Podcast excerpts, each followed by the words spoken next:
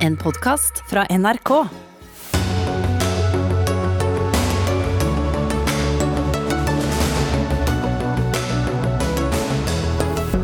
Det nærmer seg jul, og mange studenter skal reise hjem. Flere kommuner oppfordrer dem til å teste seg for korona for sikkerhets skyld, stikk i strid med hva helsemyndighetene sier. Konkurransetilsynet varsler til sammen 21 milliarder kroner i gebyrer til de store dagligvarekjedene. En grov tabbe fra tilsynet, mener Coop Norge. Aleris tilbyr kreftmedisiner pasienter ikke kan få i det offentlige. Medisinene virker, men alle som trenger må få, ber kreftlege. Og verdens beste land å bo i, det er Norge, men ikke hvis vi teller med klima- og miljøregnskapet. God kveld og velkommen til Dagsnytt 18 på NRK1 og NRK P2, hvor det også skal handle om bønder i India. Jeg heter Sigrid Solund. Skal det være en vaksine til pinnekjøttet?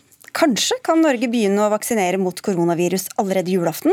Nå vil nemlig Det europeiske legemiddelbyrået framskynde rådgivningsmøtet sitt til 21.12. Opprinnelig var datoen satt til den 29.12. Assisterende helsedirektør Espen Rostrup Nakstad, hva er sannsynligheten for at det blir en vaksine tilgjengelig i Norge til jul eller nyttår?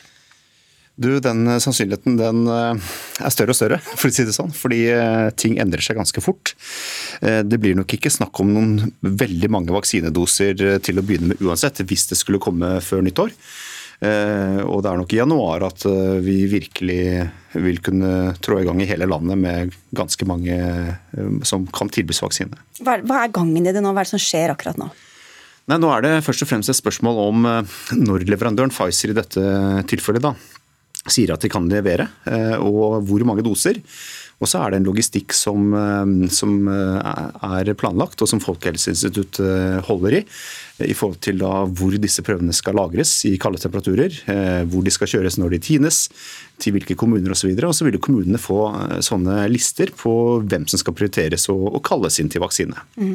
Og Når det da begynner å vaksinere i en større skala, vil man da kunne velge mellom ulike typer vaksiner, eller er det denne som vi først og fremst vil få tilbud om? Nå er det først og fremst denne typen, fra Pfizer-Biontech. Det er den som er først ute. Det er den som ligger an til å bli godkjent nærmere nyttår og som vil bli den som blir tilbudt i Norge.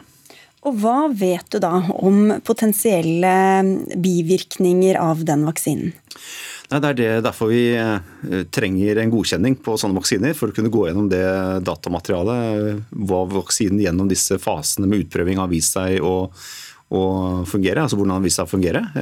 Hvor effektiv er den, og hva slags bivirkninger kan man påregne. Det er alltid noen bivirkninger ved vaksiner. Alt fra vondt i armen til litt feber til andre ting. Og det vil det bli gitt god informasjon om, sånn at folk vet det før de tar stilling til om de vil bli vaksinert. Men kan man vite, kan man vite hvor lenge den vil vare, når den ikke har vart så lenge? Og hvor potensielle langtidsvirkninger av, av bivirkninger osv.? Altså de fleste bivirkninger, i hvert fall de alvorlige, de viser seg ganske tidlig. Og denne er jo prøvd ut på veldig mange mennesker. Flere titalls tusen mennesker. Og den er jo allerede nå i gang i Storbritannia. Og det betyr at man får også kunnskap om hvordan det har gått med vaksinasjonen der. Så dette følger man nøye med på. Og så er det klart at noen sjeldne bivirkninger vil kanskje ikke vise seg med en gang. Men man får god informasjon likevel ut fra det store antallet som er vaksinert. Og så, og så vil det bli en løpende informasjon om det, selvsagt, også når den vaksinen er godkjent og, og tilbys. Og Da har du advart mot, mot, at vi skal tro at vi kan slappe av når den vaksinen er på plass. Hvor mange må være vaksinert før vi kan regne samfunnet som noenlunde normalt, og potensielt ha den flokkimmuniteten som vi snakket mye om tidligere? Det er det som er litt vanskelig. fordi Disse vaksinene vet vi beskytter godt for den som er vaksinert, at du ikke får alvorlig sykdom. Men det er veldig usikkert om den er egnet også til å forhindre all smitteoverføring. Dvs. Si at kanskje kan du bli smittet, men ikke bli syk når du er vaksinert, men du kan kanskje smitte noen andre. Dette er veldig usikkert, og det er såpass usikkert at vi er nødt til å vite mer om det før man kan begynne å si noe om flokkimmunitet. Og så er det en annen ting, og det er at hvis folk begynner å tenke i januar at nå er faren over, nå kommer vaksinen, nå er bestemor på sykehjemmet vaksinert, nå kan vi slappe av, så kan du få en stor smittespredning i veldig mange aldersgrupper som også kan bli syke, og også kan få dødsfall. Sånn at det er en fare for en smittebølge hvis ikke man passer på det. Og så er det store spørsmålet hvem som skal få den aller første vaksinen som kommer til Norge. Det blir nok helt sikkert en person over 80 år, i hvert fall, og kanskje en på sykehjem, vil jeg tippe. Det er ganske sikkert. Du vil ikke insistere på at det blir deg? Nei, jeg tror vi som er under 80 år, vi må nok vente pent på tur. Sånn at uh, her starter man med de største risikogruppene. Så går man nedover, og så får alle vi andre vente en god stund antagelig. Vi skal snakke mer om korona, men vi skal bare få inn en nyhetsmelding her først. For sentralstyret i Fremskrittspartiet har i kveld konkludert med at Oslo FrPs leder Geir Ugland Jacobsen skal ekskluderes fra partiet. Det skriver VG. Ugland sådde bl.a. tvil om Siv Jensens plass på Oslo FrPs nominasjons liste til Stortinget i sommer, og det har eh, stormet rundt ham i eh, partiet. Så skal vi videre til eh, det som opprinnelig sto på planen her. For det er slik at eh, er du student og skal hjem til jul, så har du kanskje vært innom tanken på å teste deg for korona for å være helt sikker på at du ikke kan smitte besteforeldre eller andre. Og flere kommuner oppfordrer til å gjøre nettopp dette, selv om det ikke er symptomer eller andre grunner til å mistenke smitte, bare for å være på den sikre siden. Dere er blant dem som er kommet med denne oppfordringen. Bjørn Ole Gleditsch, du er ordfører i Sandefjord kommune og representerer Høyre. Hvilken tanke ligger eh, bak dette? Dette tilbudet? Jeg vil bare først starte med å berømme Nakstad og hans eh, kollegaer og regjeringen for å ha gjort en kjempeinnsats så langt med å håndtere pandemien. Eh, vi mener at det er viktig å være føre var. Eh, vi har god kapasitet for testing i Sandefjord. Og Laboratoriet på sykehuset i Vestfold har håndtert langt flere tester enn det de mottar nå for tida. Så kapasitet er ikke noe problem for oss. Og i julen møtes generasjonene. Og vi ønsker i størst mulig grad å beskytte besteforeldre og olderforeldre best mulig. Og det skriver jo FHI eh, er, en risi, er i en risikosituasjon. Mm. Så Derfor så mener vi at det, det lønner seg å være føre var. Og så ser vi at studenter som kommer fra områder i utlandet med mindre smittespredning enn studentbyer i Norge, anbefales å teste ved ankomst til flyplasser som f.eks. Gardermoen og Sandefjord lufthavn Torp. Så Derfor så syns vi det er litt spesielt. Hvis vi holder de utland, utlendingsstudentene utenfor Espen Rostrup Nakstad, så er vel ikke dette helt i tråd med hva dere har eh, anbefalt? Nei, altså det skal sies at Her har kommunene et spillerom, og de har også fått tilsendt mange hurtigtester nå, som kan brukes eh, til utbruddsoppklaring og også til å teste personell på sykehjem regelmessig og sånne ting. Eh, men når det gjelder akkurat dette med å ta en test for sikkerhets skyld når du skal hjem til jul, så, så er ikke det en del av den generelle anbefalingen. og Grunnen til det er at for det første så, så, vil ikke den testen kunne avgjøre om du er smitta. Eh, du kan bli smittet, og så kan du i løpet av 14 dager få et sykdomsutbrudd med symptomer eller uten symptomer, men i hvert fall få viruset i nesa di og luftveiene dine. og Det kan skje når som helst i prinsippet, fra, 0 til, eller fra 1 til 14 dager ca. Hvis du da tar en test eh, to-tre dager etter at du faktisk ble smitta, og den er negativ, så kan du risikere at du tror at jeg er clear, dette er ikke noe farlig. Og så er du kanskje litt tettere på bestemor og de andre i jula eh, fordi du har en negativ test. Det vil være veldig uheldig. Eh, sånn at En test er et øyeblikksbilde. Den er godt egnet hvis du har en mistanke. Hvis du er en reell nærkontakt til en som er syk, da er det lurt å, avklare det. Eller hvis, eh, hvis, du har noen symptomer du lurer på, så det, skal det være veldig lav terskel for å teste seg.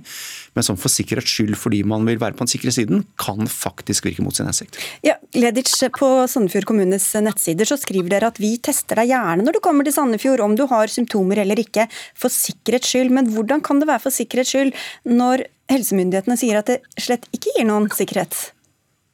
Poenget er jo at eh, det er vel også sagt at eh, spredningen skjer blant unge mennesker i hovedsak. og det er jo også sånn at Man har sagt at eh, unge mennesker ikke nødvendigvis merker at man er, har symptomer og kan være smittet.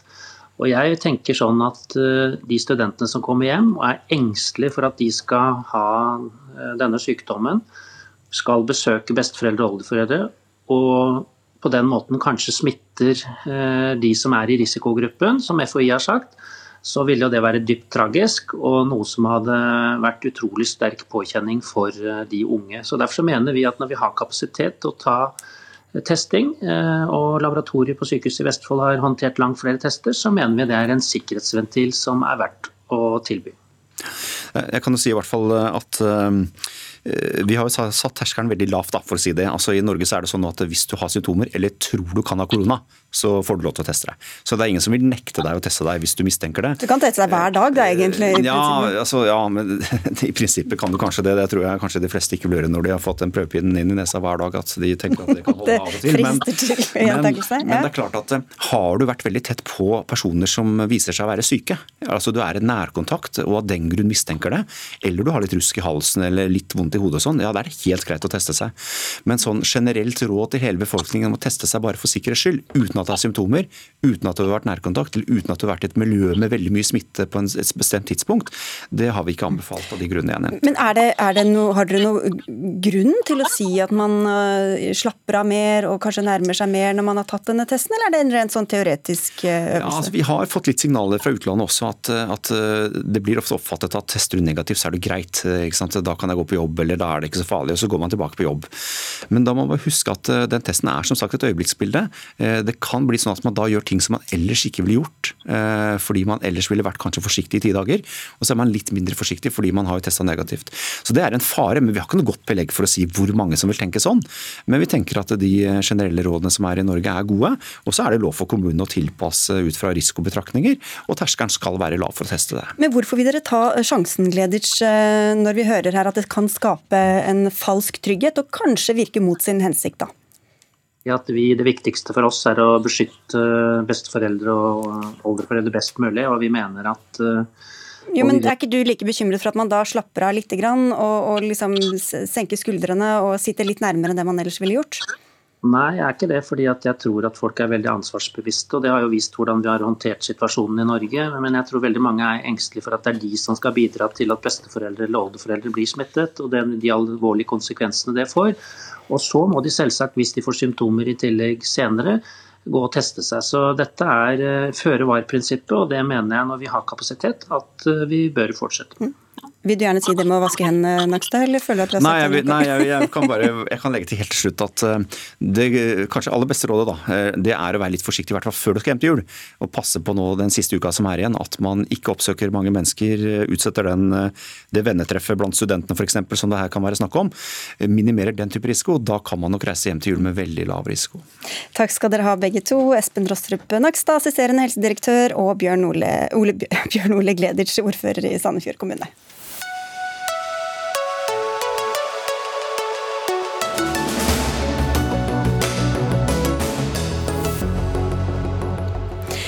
Priskrig, sier norsk dagligvarebransje om konkurransen dem imellom. Men er det hele en stor bløff? Har prisene gått opp i stedet for ned? Det kan virke slik på Konkurransetilsynet, som har sendt ut et varsel i dag på til sammen 21 milliarder kroner i gebyrer. De går til Norgesgruppen, Coop og Rema 1000 for prissamarbeid. Lars eh, Sørgaard, eh, konkurransedirektør. I kjernen for det hele står disse prisjegerne. Altså utsendte fra de ulike kjedene som sjekker konkurrentenes priser. Kjedene sier at dette har ført til lavere priser. Hvilken dokumentasjon har dere på det motsatte? Altså, vi har nå gjennomført en omfattende etterforskning eh, av de tre kjedene. og Vi har kommet til at de har samarbeidet på en måte som har ført til eh, at prisene har blitt eh, høyere istedenfor lavere. Og Vår foreløpige vurdering av dette er en overtredelse av konkurranseloven. Derfor har vi ilagt eh, gebyrer. Men hva, hva er det som gjør at dere er så sikre i deres sak på at dette har ført til høyere priser? Nei, vi, som sagt, vi har gjort en grundig vurdering. Vi har gått inn i en eh, omfattende bevismateriale. Vi har eh, eh, veldig omfattende dokumentasjon internt fra kjedene. Hvordan de har eh, priset, hvordan de har kommunisert internt i kjeden. Og vi vet òg hvordan kjedene har kommunisert om den såkalte avtalen om prisjeger. Så vi har omfattende informasjon. Ut fra det så ser vi at det er et over tid utviklet en praksis som da har gjort at det er mulig for de å løfte prisene på en rekke produktgrupper. Hva slags intern kommunikasjon er det dere da har funnet? Det vi har sett på er bl.a. e-postutvekslinger internt i kjeden. og Vi har også sett på kommunikasjonen mellom kjedene. Men jeg vil bare legge til at kommunikasjonen mellom kjedene det går på selve avtalen om prisjegerne, ikke for prissettingen. Nei, men hva er den avtalen da som, som, gjør at dere er så sikre på at dette har skjedd på den måten dere beskriver? Altså Opprinnelig var det en uh, såkalt bransjenorm som var utviklet for uh, sammenlignende reklame. Det betyr at uh, hvis da Rema skulle selge en cola og ville reklamere med at de hadde billigst, så fikk du da avtale om at de kunne gå inn i butikkene f.eks. på Kiwi og finne prisen deres, sånn at de kunne sammenligne og sette det opp i reklamen. Og så det vi har funnet nå, at det var en felles forståelse i 2011 mellom kjedene at de skulle bruke den til noe mer enn bare sammenlignende reklame. De skulle bruke den til prissetting. Og så over tid har det sånn som vi ser det, utviklet seg til å eh, bli en praksis som da har gjort det mulig å løfte prisene i en rekke, rekke produktkategorier. Og Går det an å si noe om hvor mye norske forbrukere har tatt på dette? Altså Det vi har eh, funnet, at dette samarbeidet er konkurransebegrensende. Og så har ikke vi gått inn konkret og tallfest i hvor stor grad eventuelt har økt prisene. Men vi er bekymret for at dette har vært konkurransebegrensende, og dermed at vi er bekymret for at det kan ha ført til høyere priser for norske forbrukere. Men en sum dere har kommet fram til er jo da 21 milliarder kroner i gebyr til sammen. Ja. Hvordan har dere kommet fram til den summen? Det er et stort beløp, og dette har sammenheng med, med, markedets størrelse. Dette er det, sannsynligvis det største markedet i Norge. Det har en omsetning årlig på om lag 180 milliarder kroner. Og eh, Gebyret er satt slik at det er i forhold til omsetningen, og eh, det gjør at gebyret blir av den størrelsen. Dere har også fått noe kritikk for at dere ikke har tatt tak i dette tidligere. Dette er da siste utviklingen i, i en undersøkelse hvor dere har gått, hatt gående i flere år. Bl.a. gjennomførte dere en razzia for to år siden. Hvorfor har det tatt såpass lang tid å konkludere og ta tak i det dere peker på som svært problematisk? Altså utgangspunktet, Det vi observerer fra utsiden er ikke ulovlig. Altså Prisjeger i seg selv er ikke ulovlig. Det å ha en bransjenorm slik han var heller ikke ulovlig. Men når vi går inn i materialet og ser på dokumentasjon, så ser vi da etter en, etter en eh, grundig vurdering at det er ting i som vi finner internt i kjedene, som eh, gjør at vi da mener det er en overtredelse. Mm. Vi, vi, kan ikke se dette fra utsiden. Vi må gå inn og gjøre en veldig grundig vurdering. og det, det, det er en kompleks sak, og det er den største sak vi har hatt. Og Da kan det også komme rettssaker. Er dere forberedt på de eh, milliard... Hva, hva, hva dette kan få å si også for dere? Altså, Vi har nå sendt et varsel. Det betyr at nå kommer partene med tilsvar. og Så må vi da eh, ta en endelig beslutning. og Den beslutningen kan være at vi opprettholder gebyret eller at vi eh, legger bort saken. Så det, det, vi er klar for at dette er første fase i noe som kan vare lenge, hvis det er slik at det blir et vedtak. Du ønsket ikke å være med i noen debatt, konkurransedirektør Lars Sørgaard, men takk for at du var med i Dagsnytt 18. Geir Inge Stokke, konsernsjef i Coop Norge. Dere ilegges altså et gebyr på 4,8 milliarder kroner dersom Konkurransetilsynet opprettholder dette. Hvem ender opp med den regninga? Ja, Det er viktig å si at det er et varsel, sånn at uh, vi er tydelige på det. Og så får jeg nesten spørre Konkurransetilsynet hvordan eh, det vil slå ut. Men, men, eh, jeg tror at nå skal vi bruke god tid. Vi skal gi et eh, godt svar på det. Og så har vi jo da fram til 15.4 med å svare. Og da håper jeg det at saken etter det dør ut. Og hvis ikke så havner den nok inn i rettssystemet. Det, det gjør nok. Og da vil den nok holde på i fem-seks år. Stein Rømmerud, konserndirektør for kommunikasjon og samfunnskontakt i Norgesgruppen ASA, som eier bl.a. Eh, Meny og Kiwi. Dere får det høyeste gebyret, 8,8 milliarder kroner om det blir stående. Hva er det som ikke stemmer, mener dere, i Konkurransetilsynets beskrivelser her? Nei, Vi mener at uh, denne bransjenormen ikke er eh, et brudd på konkurranseloven. Eh, vi mener jo tvert imot at eh, den prisjegervirksomheten som har skjedd, eh, den har ført til både lavere priser og vært bra for forbrukerne. Så dette er å snu hele problemstillingen på hodet. Så nå vil vi sette oss grundig inn i varselet vi også, og så går vi i dialog med Konkurransetilsynet etter det. Men hvis vi ser f.eks. på tall fra 2018, da viste SSB at prisene for mat og alkoholfri drikke i Norge lå 63 over snittet i EU, 40% mer enn i Sverige. Hvorfor skal vi stole på dere når dere sier at dere har presset prisene ned? Ja, Det er ikke mulig å sammenligne prisnivåene på tvers av grensene. Det viser jo bl.a. svenskehandelen at eh, Norge er et dyrt land å operere i. Så det blir egentlig irrelevant. Men vi opplever jo hver eneste dag at det er en beinhard kamp om kundenes gunst. Og vi tar jo rollen som prispresser i markedet med Kiwi. Og jobber hver eneste dag for å få lavere priser. Og da må vi også vite hvordan prisene i markedet ser ut for å være prisvinnere. Og det er jo der prisjegerne kommer inn. Så vi mener jo at dette er snudd totalt på hodet. Da. Bruken av prisjegerne det, det har rett og slett ført til lavere priser og vært bra for kundene. Vi tar med at Rema 1000 får et gebyr på 7,4 milliarder kroner. De vil ikke stille Dagsnytt 18 i kveld, og sier de trenger mer tid til å sette seg inn i det 280 sider lange varselet fra Konkurransetilsynet. Men eh, direktør i Forbrukerrådet, Inger Lise Blyverke, vi hører litt ulike virkelighetsbeskrivelser her. Hvem stoler dere mest på? Vi er i hvert fall opptatt av at eh, det er for dårlig konkurranse i dagligvaremarkedet. Det har jo Forbrukerrådet og veldig mange aktører sagt i veldig mange år. Eh, så det bør ikke overraske noen, og det vet egentlig også aktørene her, selv om de har det med å påstå noe annet. Eh, og så har jo ikke vi noen mulighet til å gjøre Konkurransetilsynets jobb, det er jo heller ikke vår jobb å gjøre. Men vi fester jo lit til at Konkurransetilsynet har gjort en skikkelig og grundig vurdering før de går ut og gir dette varselet. Og vi mener at det er svært alvorlig. Fordi at prissamarbeid det er jo helt ødeleggende for konkurranse. Og for forbrukere så er vi helt avhengig av at aktørene konkurrerer reelt og faktisk på pris, og ikke inngår prissamarbeid. Stokke? Ja, nei, er veldig veldig tydelig på det. Det har ikke vært noe prissamarbeid mellom aktørene. Vi, vi, har ikke det i det hele tatt. Og jeg kan vel også si I forhold til prisjegere, bransjenormer, så har vi vært helt åpne i forhold til Konkurransetilsynet. De fikk kopi av avtalen i 2010. De fikk kopi av endringene som ble gjort i 2012. Vi har hatt møte med Konkurransetilsynet hvor vi har gått gjennom alt hvordan vi jobber i forhold til strategier, hvordan vi setter priser, både opp og ned. Og Så langt har ikke jeg sett noe ting i det varselet vi fikk i dag på 285 sider, som er noe annerledes som de har klart å finne ut av den mailkorrespondansen de har gjort og beslaglagt der, enn det vi har fortalt i over bordet. Blyverket. Jo, men altså Vi vet jo at det er store utfordringer i dette markedet. Det er eh, tre aktører eh, i det ytterste leddet ut mot forbrukere. Det er få eh, leverandører. Vi vet at det er store utfordringer også bakover i verdikjeden i grossistdelen. Vi vet at det nå gjøres undersøkelser. Det er et samlet storting som er bekymret for konkurransesituasjonen.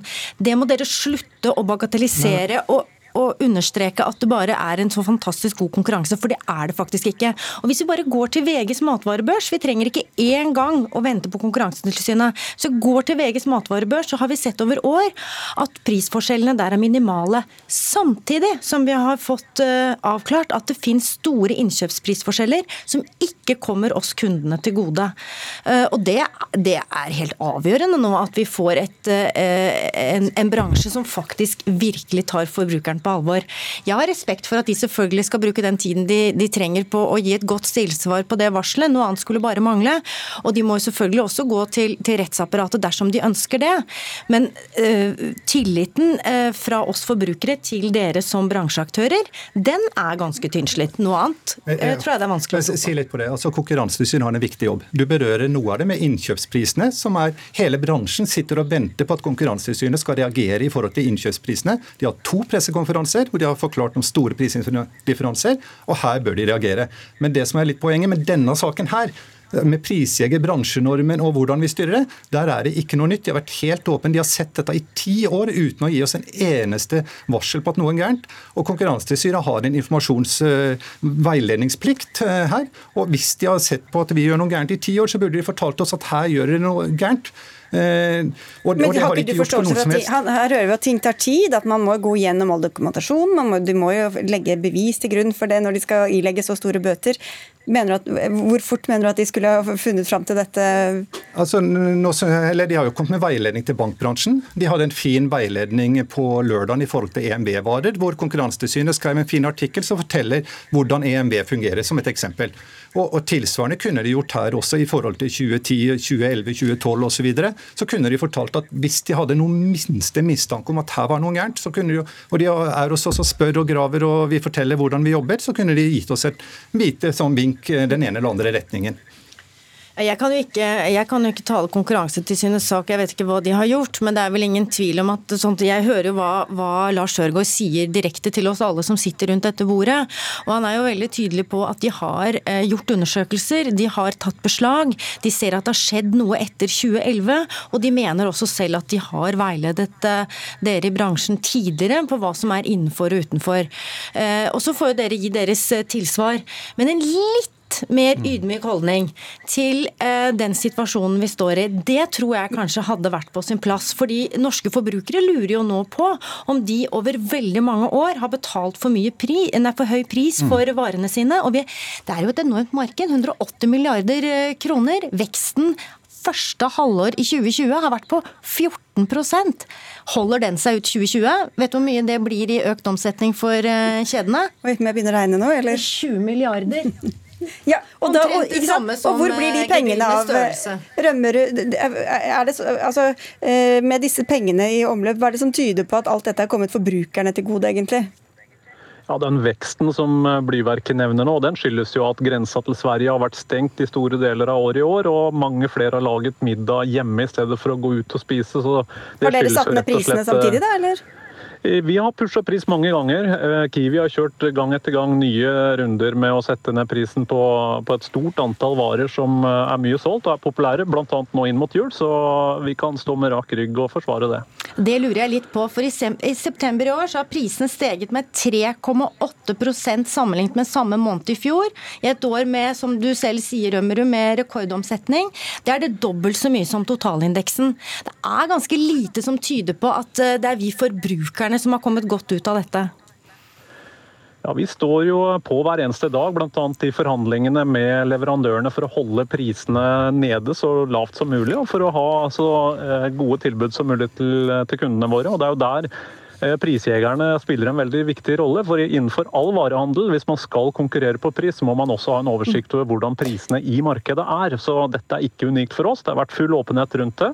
Og vi mener at dette har vært eh, bra for konkurransen og bra for forbrukerne i Norge. Og da lurer jeg på Stokke, Hvis det er sånn at deres prisjegere drar til Kiwi og undersøker her koster pepperkakene 11 kroner, så drar dere fort hjem og sier sånn vi må sette prisen til 10,50, eller hvordan er det dette egentlig fungerer? Ja, da setter vi prisen til 10,50. Da ender det jo på null etter hvert, da? Eller hvorfor? hvorfor ja, det, altså, du ser Noen av de priskrigene har jo vært elleville, og da har du hatt pepperkakebokser til 50 øre. For, det, for oss, da, når, når, VG har en prisbørs her, eh, det å tape den prisbørsen med tre kroner, det er en katastrofe, selv om eh, du har handla for 2000 kroner. Vi ønsker å vinne de prisbørsene, og da betyr de der prisene på den pepperkakeboksen enormt mye. Da. Og da lurer jeg på, Blyverket, kan det ha skjedd begge deler? Altså at, mange, at det har vært priskrig på noen varer, og så samtidig så er prisene blitt hevet på andre helt sånn i det stille? Ja, det kan jo godt hende. og det er jo nettopp det som er veldig krevende for oss forbrukere når vi eh, hører at det er såpass store utfordringer i bransjen at det er umulig for andre aktører å komme inn. At det er noen få leverandører som også styrer markedet bakover. Så er det helt åpenbart at det, eh, det viktigste for en forbruker i uansett marked, om det er dagligvaremarked eller andre, det er jo at prissettingen fungerer og at konkurransen skjer på like vilkår. Og Hvis den ikke skjer på like vilkår, og det er umulig å trenge inn i markedet for, folk, eh, for aktører utenfor, så blir forbrukeren helt sånn etter vanlig konkurranselogikk eh, den tapende part, dessverre. Cecilie Langenbecker, økonomikommentator i NRK. Hvor alvorlig vil du si dette varselet er fra Konkurransetilsynet? Altså, det er jo åpenbart svært alvorlig. De gir jo et gebyr eh, på 10% av omsetningen. Det er maks av det de kan eh, gi. og Det understreker jo hvor alvorlig tilsynet ser på saken. Når det er sagt, så har de jo gitt bøter som tilsvarer 10 omsetning eh, tidligere også. Så helt unikt er det likevel ikke. Kan man da se, opp, se, se for seg at det er rett og slett vi som er, ender opp med å betale denne regninga til sjuende og sist, som forbrukere? Ja, det er mange som er bekymret for det, at, at, denne, at disse gebyrene blir lempet videre til oss forbrukerne. Men nå er det jo sånn sånn at uh, dette må jo være eierne som skal betale for dette her. Uh, dette må gå egenkapitalen til selskapet, og egenkapitalen til selskapet det er, jo, uh, det er jo da noe eierne har latt bli igjen i overskudd som eierne har latt bli igjen i selskapet, istedenfor å ta ut utbytte. Så dette er det eierne som da må ta regningen for. Dette er jo altså en stor og viktig sak både i prestisje og i penger. Hvor Går det an å si noe om inntrykket av hvor sterke bevisene er fra Konkurransetilsynets side? Altså, Vi kjenner jo ikke til hele bevisbildet, men etter denne razziaen så har de jo tatt beslag i en mengde bevis, mange e-poster. Eh, og Konkurransetilsynet går jo hardt ut i dag og varsler store store gebyrer og ser veldig alvorlig på saken. Så vi må jo anta at de har eh, sterke beviser. Eh, samtidig som vi hører at Søgaard også er ydmyk i forhold til at kjedene nå kan komme med sine motargumenter, og at de eventuelt kan legge hele saken vekk dersom kjedene nå klarer å svare ordentlig for seg. Ellers så kan det virke som vi må snakke om dette i mange måneder, for ikke å si år. Kanskje fem-seks år, som vi er inne på her. Vi får si takk for denne første runden, eh, i hvert fall. Geir Inge Stokke fra Coop Norge, Inger-Lise Bliverke, forbrukerdirektør, Cecilie Lange Becker, som er økonomikommentator, Lars Sørgaard, altså direktør i Konkurransetilsynet, og Stein Rømmerud, konserndirektør for kommunikasjon og samfunnskontakt i Norgesgruppen.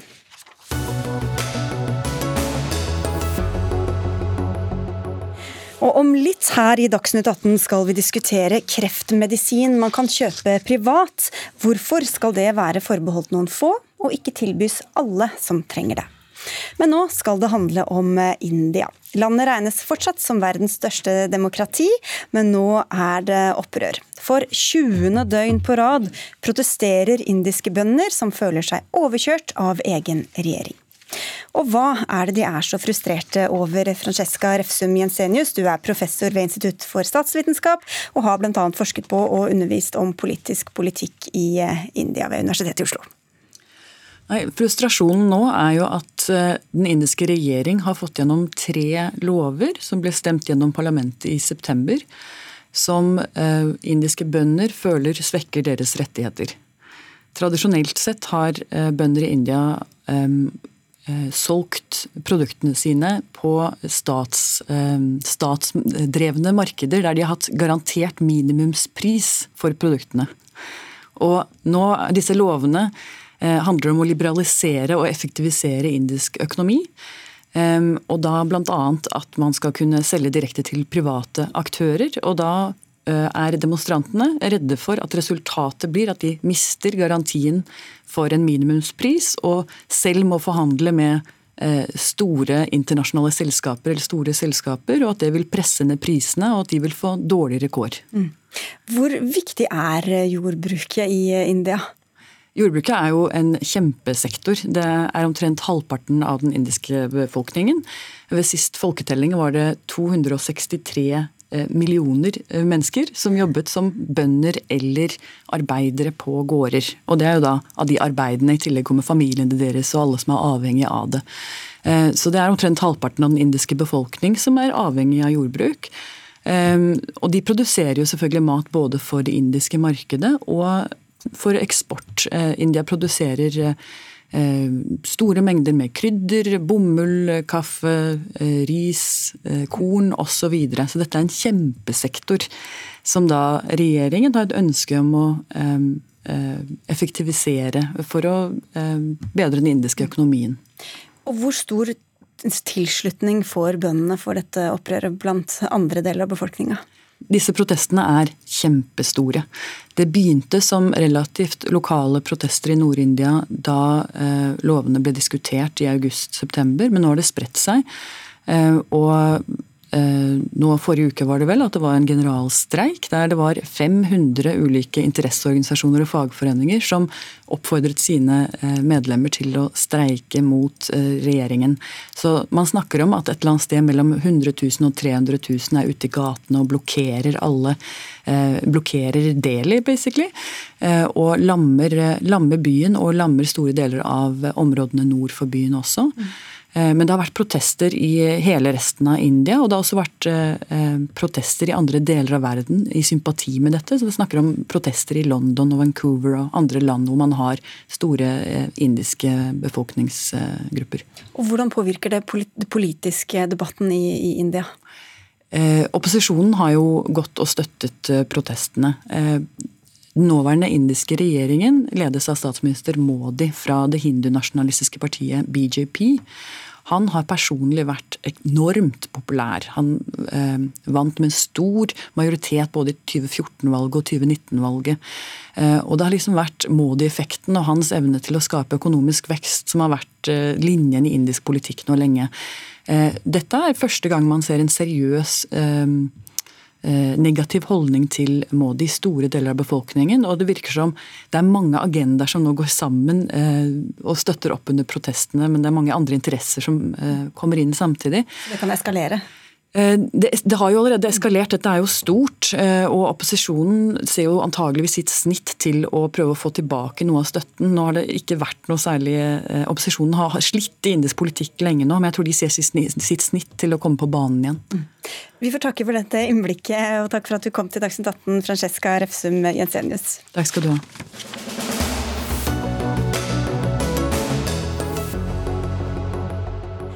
Siden 1990 har Norge toppet FNs liste over menneskelig utvikling nesten hvert eneste år, så også i år. Men nå finnes det en annen liste i tillegg, også den fra FNs utviklingsprogram.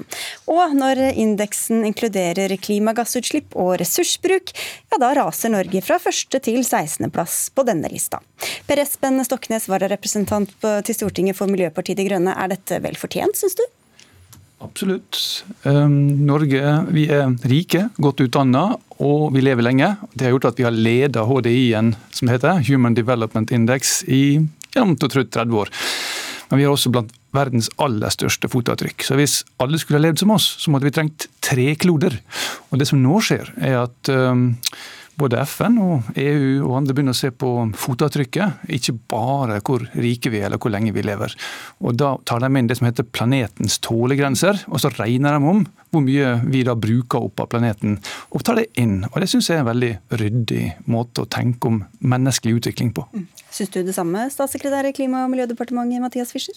Ja, altså jeg synes at det arbeidet som er gjort er veldig interessant og det er nyttig. Altså Utgangspunktet for den HDI-indeksen er jo å se på sammenhengen mellom ulike indikatorer av velferd og velstand i et land, sånn at vi ikke bare ser på økonomisk vekst.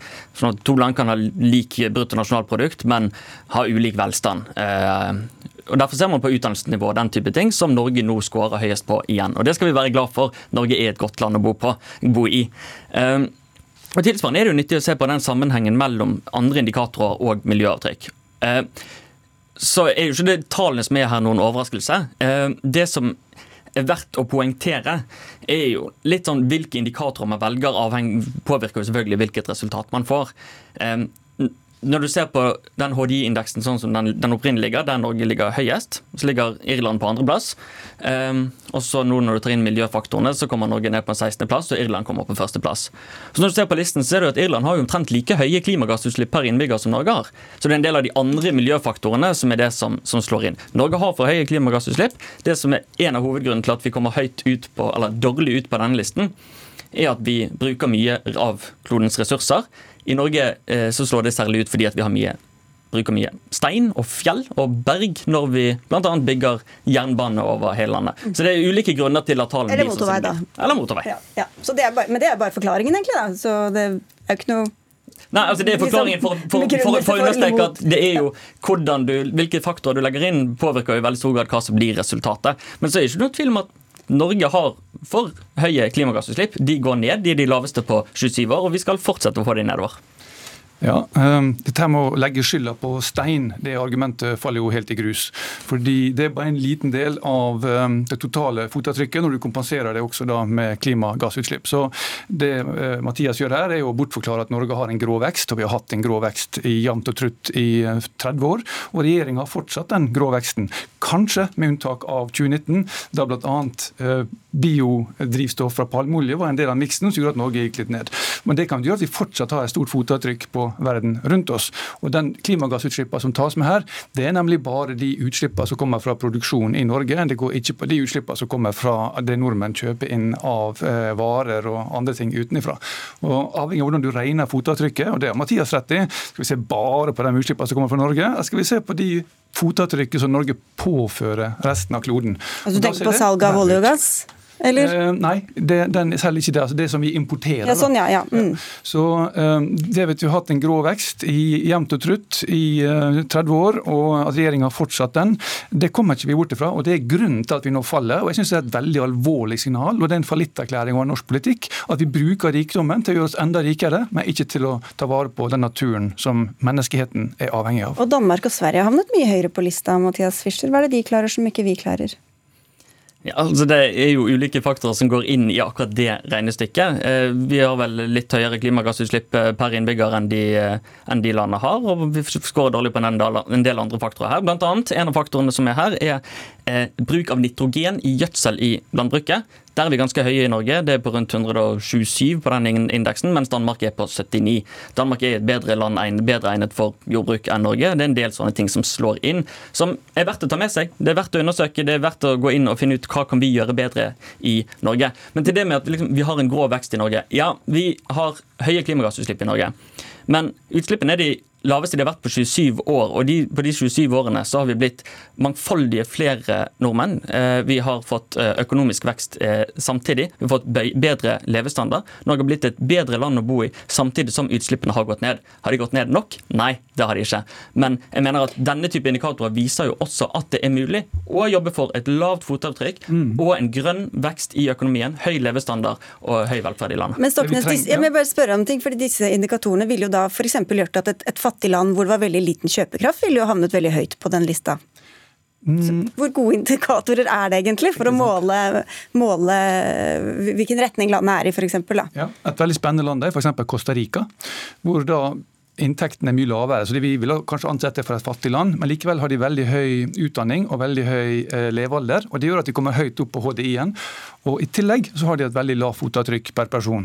Så Costa Rica er blant de landene som viser at også fattige land kan få til en høy menneskelig utvikling med et veldig lavt fotavtrykk. Og Det som er problemet med det regjeringa gjør, det er at de er verdensmestere i grønnvasking. Så de grønnvasker grå vekst istedenfor å levere på akkurat det han snakker om, nemlig en rask økning i verdiskapninga som kombineres med at eh, utslippene går dramatisk ned, at vi bruker ressursene mye mer effektivt, og at vi bruker dem om igjen, slik at vi får det inn i en sirkulær økonomi. Og Gang på gang så har regjeringa svikta i forhold til sirkulær økonomi og klimagassutslipp. Man, man grønnvasker det, de få tingene man gjør, sånn som e-pilot og elbiler, og skryter av det hver gang man nevner det. Og så fortsetter ressursbruken vår å være altfor høy. Altså, jeg synes ikke norske elbilsatsingen er en grønn vasking. Altså, det er verdensledende på å elektrifisere bilparken, få ned utslippene fra transport i et langstrakt land som har eh, store transportbehov. Det er ikke noe grønn vasking, det er ikke noe retorisk grep, det er bare fakta. Utslippene går ned fra transportsektoren fordi vi satser på elbiler og fordi vi satser på mye annet for å få ned norske klimagassutslipp, samtidig som vi skaper jobber, samtidig som vi skaper økonomisk vekst og bedre velferd og liv for folk. Men hva om noe har du tenkt å bruke denne rangeringen til? Ja, altså for det første så må vi gå inn og se på de indikatorene for at den, den, skal liksom ha en god verdi. Så må vi se på hva her er det vi kan jobbe med. Ja, dette er jo godt kjent. Altså, Norske klimagassutslipp er jo den statistikken jeg ser mest på på jobb. Så dette kjenner vi jo godt. Og så syns jeg det er en, et interessant utgangspunkt for diskusjon å se de ulike indikatorene i sammenheng. Jeg er ikke overrasket over at Norge, som i stor grad har blitt rike og har skåra er nummer topp på HDI-indeksen Bl.a. fordi vi har rikdommen fra olje, at vi da skårer dårligere når du tar inn en del klima- og miljøindikatorer. Det er ikke noe overraskende. Eh, det tror jeg ingen vil, eh, vil bli sjokkert over. Men det som er viktig er at vi blir bedre år for år. Og Der har Sverige, og Danmark og Finland lyktes med å levere en reell grønn vekst på over 5% per år. Når f.eks. bruker akkurat de samme tallene sånn som OECD gjør, for de måler grønn vekstindikatorer fra år til år. Og Norge har lagt jevnt på under 2% Norge, eh, Finland, Sverige og Danmark har lagt godt over 5% Og 5% det er det vi trenger for å levere på Parisavtalen. Og Det er det dette handler om. Å ta inn de tålegrensene som uh, hele menneskeheten har, og så at alle gjør sin rettferdige andel. Og da gjør Sverige, Danmark og Finland det. Norge gjør det ikke. Ja, altså jeg mener helt klart at Norske utslipp går ned, de er de laveste på 27 år. Samtidig ja. skaper vi jobber okay. og vekst. sånn at, at, vi har grønn vekst i Norge, og den skal fortsette. OECD sier noe annet. Ja og nei, det får bli avslutninga på denne debatten. Takk skal dere ha begge to. Mathias Fischer, statssekretær i Klima- og miljødepartementet, og Per Espen Stoknes, vararepresentant for MDG til Stortinget.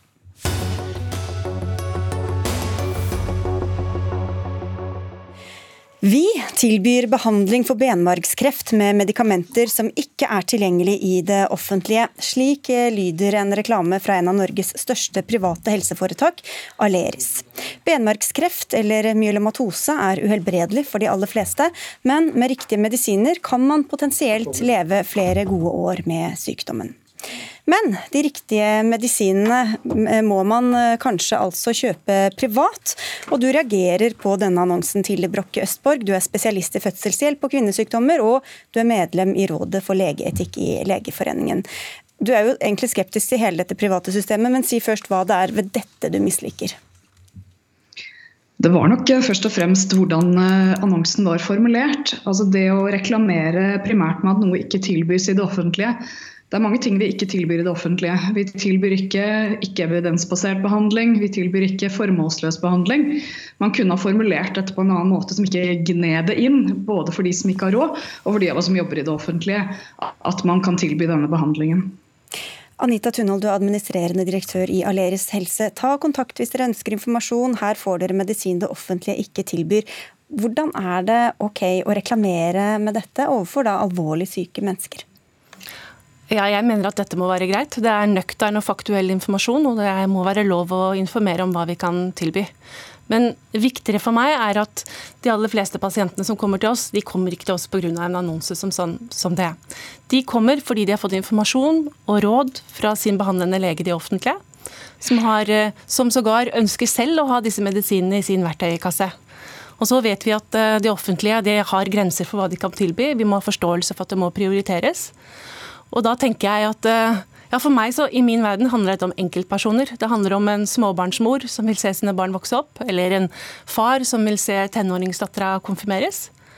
Så jeg mener at det må være Jeg er stolt av det tilbudet vi har. Um, og da jeg begynte i Aleris for noen år siden, så kom det en gruppe med pasienter med denne sykdommen til oss og spurte er ikke dette et tilbud dere kan opprette på Aleris, for det er kommet så mange nye gode medisiner på markedet som det offentlige ikke kan tilby. Det har vi nå på plass, og det er jeg glad for. Og Hvorfor ikke da informere om det, Østborg? Jo, og Rådet for legeetikk har i 2019 eh, publisert nettopp på at man har plikt til å opplyse om den behandlingen som finnes.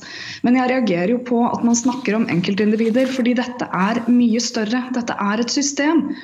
Og vi er gjennom både fritt behandlingsvalg og kjøp av tjenester fra Aleris og lignende leverandører i ferd med å bygge opp et parallelt system. For hva med den småbarnsmora som ikke har råd til dette? Hva med den uh, mannen som ønsker å se konfirmanten sin vokse opp, som ikke har råd til dette? Det er sånn at Leger har plikt etter uh, reglementet for legeetikk å forvalte forvalte sin kunnskap i forhold til et prinsipp om rettferdighet. Og sånn som jeg ser det, så er ikke dette rettferdig. Um, og Hvis man tenker at det er en utfordring med å tilby dette i det offentlige, så bør man kanskje slutte å subsidiere private. Vi skal plukke opp den tråden, men jeg har lyst til at vi skal høre litt mer om disse medisinene. Even Holt Rustad, du er lege ved Akershus universitetssykehus, og du er kreftforsker ved Oslo universitetssykehus. Du har doktorgrad på behandling av nettopp benmarkskreft, og har også jobbet i flere år med forskning på dette feltet i USA. Disse medisinene og kombinasjonen av medisiner som Aleris tilbyr, hvor virksomme kan de være?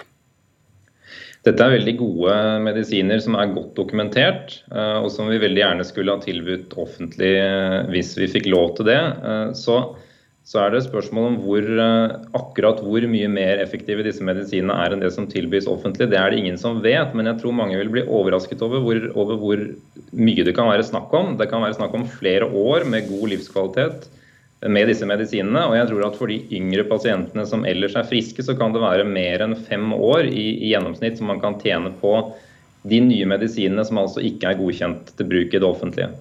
Hva syns du om at Aleris tilbyr det, da? Jeg synes Det viktigste her må være å fokusere på hvorfor vi ikke kan tilby det i det offentlige. Og, og Det handler jo om det systemet vi, vi, har som heter nye metoder, som skal vurdere alle de behandlingene som innføres i det offentlige. og Den vurderingen tar altfor lang tid. Det kan ta flere år bare å få svar på om noe blir innført eller ikke. Og så er det sånn at Beslutningsforum for nye metoder de har sagt nei til alle de beste behandlingene mot beinmargskreft, som er godt dokumentert fordi de mener den ikke er kostnadseffektivt. Og Det er det jeg syns er den diskusjonen vi burde, vi burde, fokusere på her. For dette her er et kjempeproblem. Det er noe som skaper frustrasjon for oss hver eneste dag, vi som jobber i helsevesenet. Du, Da tar vi den, eh, og da tar vi den videre med deg, Anne Grete Erlandsen. Du er statssekretær i Helse- og omsorgsdepartementet. Hvorfor skal denne medisinen være forbeholdt dem som har god råd? Eh, er, det som vi har ansvar for eh, i det offentlige, det er at vi hele tiden gjør en vurdering av eh, og ser på summen av både effekt og alvorlighet og pris. Og det er klart pris er faktisk viktig. Og vi er nødt til å gjøre en prioritering. Og den prioriteringen er Beslutningsforum de som gjør for oss, etter at det er blitt gjort en utredning. Men det er ikke riktig som veldig mange ofte hevder, at vi er veldig seine i Norge. Vi ligger omtrent sånn som eh, ganske raskt eh, i europeisk sammenheng. Så vi er ikke spesielt trege. Og heldigvis også så har vi nå i det senere fått et mye bedre samarbeid med industrien, hvor vi gjennom forhandlingene har klart å få priser ned, og klart også å få flere av legemidlene inn i det offentlige systemet. Og det ønsker vi jo, alle sammen. Dette er virksomme medisiner. Hvorfor skal det være forbeholdt dem med god råd? Det er ikke sånn at eh, vi kan bruke, selv om kreft er et område som eh, mange forstår er veldig alvorlig, så er det sånn at vi kan ikke la det ha en forkjørsrett. Vi er nødt til å gjøre en prioritering uansett. Og hvis vi bruker pengene eh, og bruker for mye midler ut fra de prioriteringskriteriene som Stortinget har bestemt, så går det nå utover noen andre.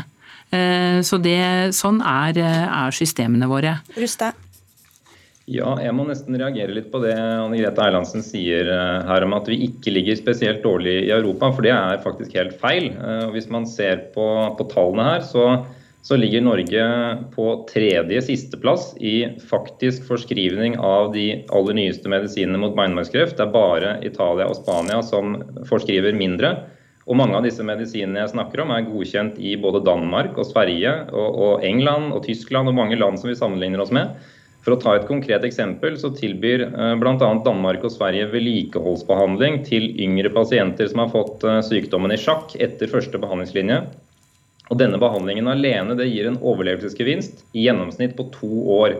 Det betyr at man lever to år lenger med denne behandlingen enn uten. og Den behandlingen er ikke godkjent i Norge fordi man har vurdert at prisen er for høy. Men prisen er altså ikke for høy i Sverige eller Danmark. Og Da tenker jeg at vi har et systemproblem, og så må vi tenke oss om om det er denne måten vi ønsker å prioritere på. For alle er enige om at vi skal prioritere, det er ikke det som er diskusjonen. Men her er vi veldig mange i helsevesenet som er bekymret for at kranen er skrudd litt for hardt igjen.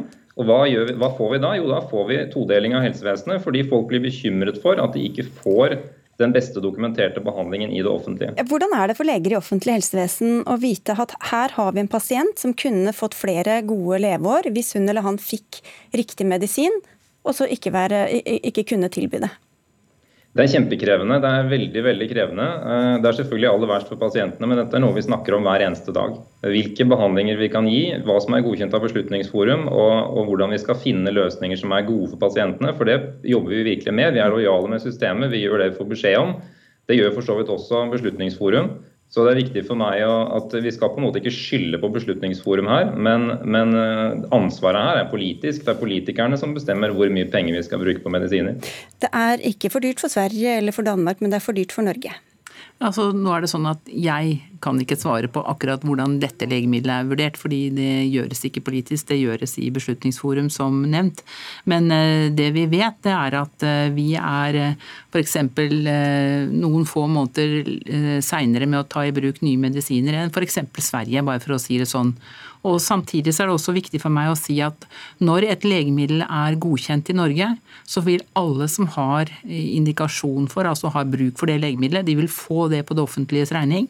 Sånn er det ikke i de fleste andre land, faktisk. Det skjønte jeg ikke helt. Hvis, er, hvis, de, hvis legen tror at et, dette legemiddelet kan virke, så, så får en det jo ikke i, i, Norge i dette hvis tilfellet? Hvis et legemiddel er godkjent for bruk i Norge, så får alle pasienter som har den indikasjonen, det legemiddelet. Det syns vi er en selvfølge. Sånn er det faktisk ikke i andre land. Ja, så, men her er det da vi, ikke mange medisiner som ikke har fått den, den godkjenningsbruken. Men til deg, Tunol i Aleris. Du sa i stad at dere ser ikke på gruppenivå, det er jo det som er problemet her, eller situasjonen her. Men dere ser på det på individnivå. Hva mente du med det, da?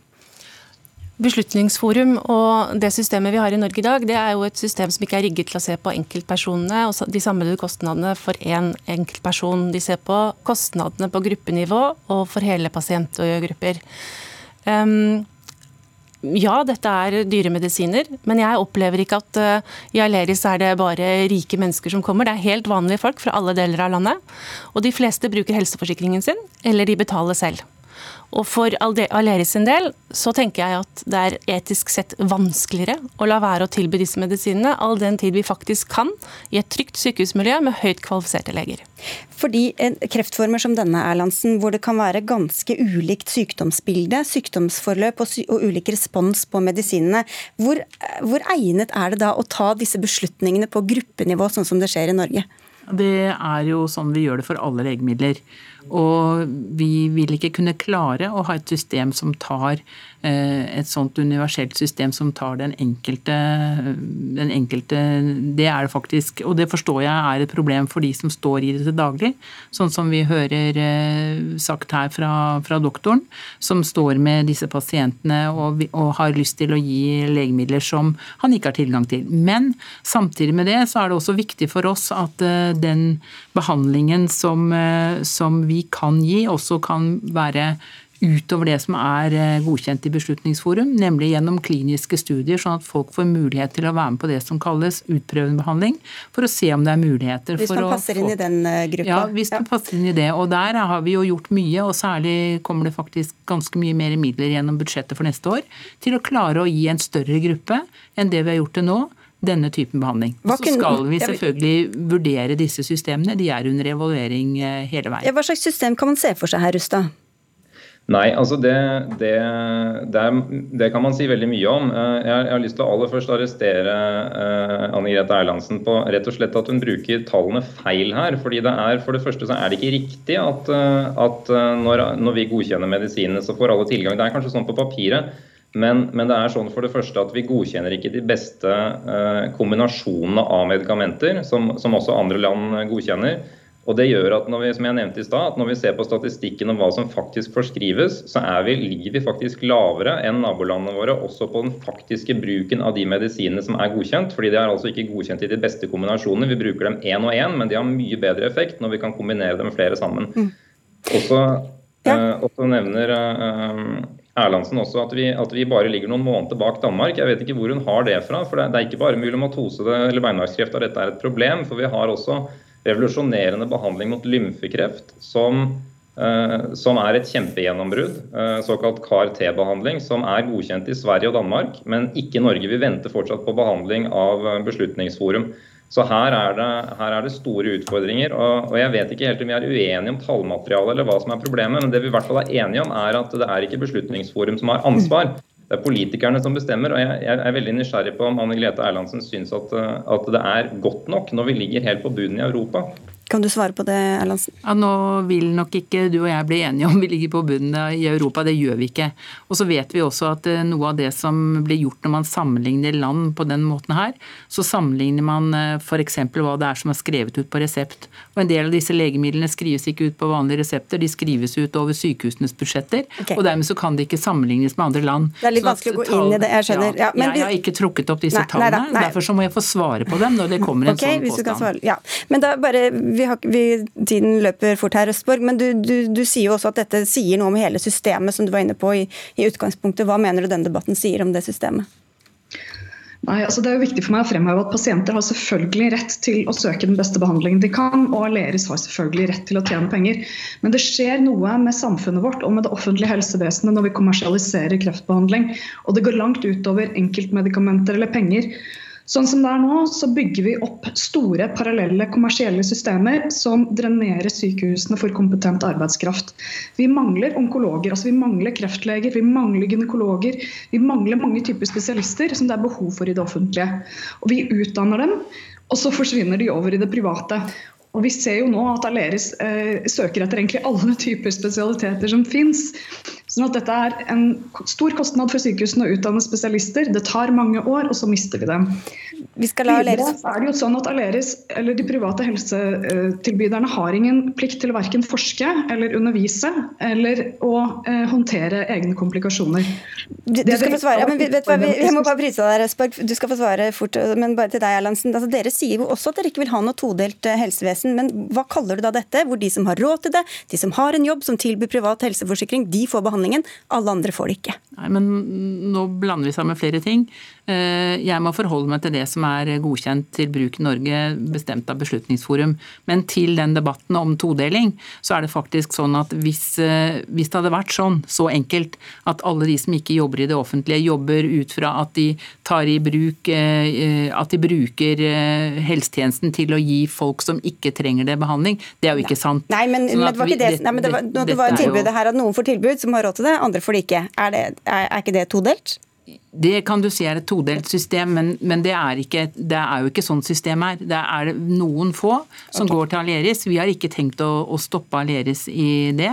Det er mulig å gjøre det. Hvis vi ikke hadde sagt at det var mulig å gjøre det, ja. så hadde de reist til et annet land og fått det der, og da er det bedre at de får det i Norge, tenker vi. Ti sekunder på tampen her, Tuna. Ja, tre veldig kjappe poenger. Jeg syns at denne uh, brain drain-problematikken er sterkt overdrevet. Det er vel 35 000 medlemmer av Legeforeningen i dag, og i Aleris jobber det under 300 leger. Ikke stor stor betydning. Og så tenker jeg at Det må være mye mer interessant å jobbe som lege når man har mulighet til ulike læringsarenaer, mm. privat og offentlig. Ok? Dette kan vi fortsette med lenge, men det rekker vi ikke. Takk skal dere ha alle sammen for at dere kom. Vi bare nevner som vi sa i stad, at sentralstyret i Frp har konkludert med at Oslo FrPs leder Geir Ugland Jacobsen skal ekskluderes. Det blir mer om dette i sendingene våre utover i kvelden. Men nå takker Odd Nytrøen, Stein Nybakk og jeg, Sigrid Solund, for følget.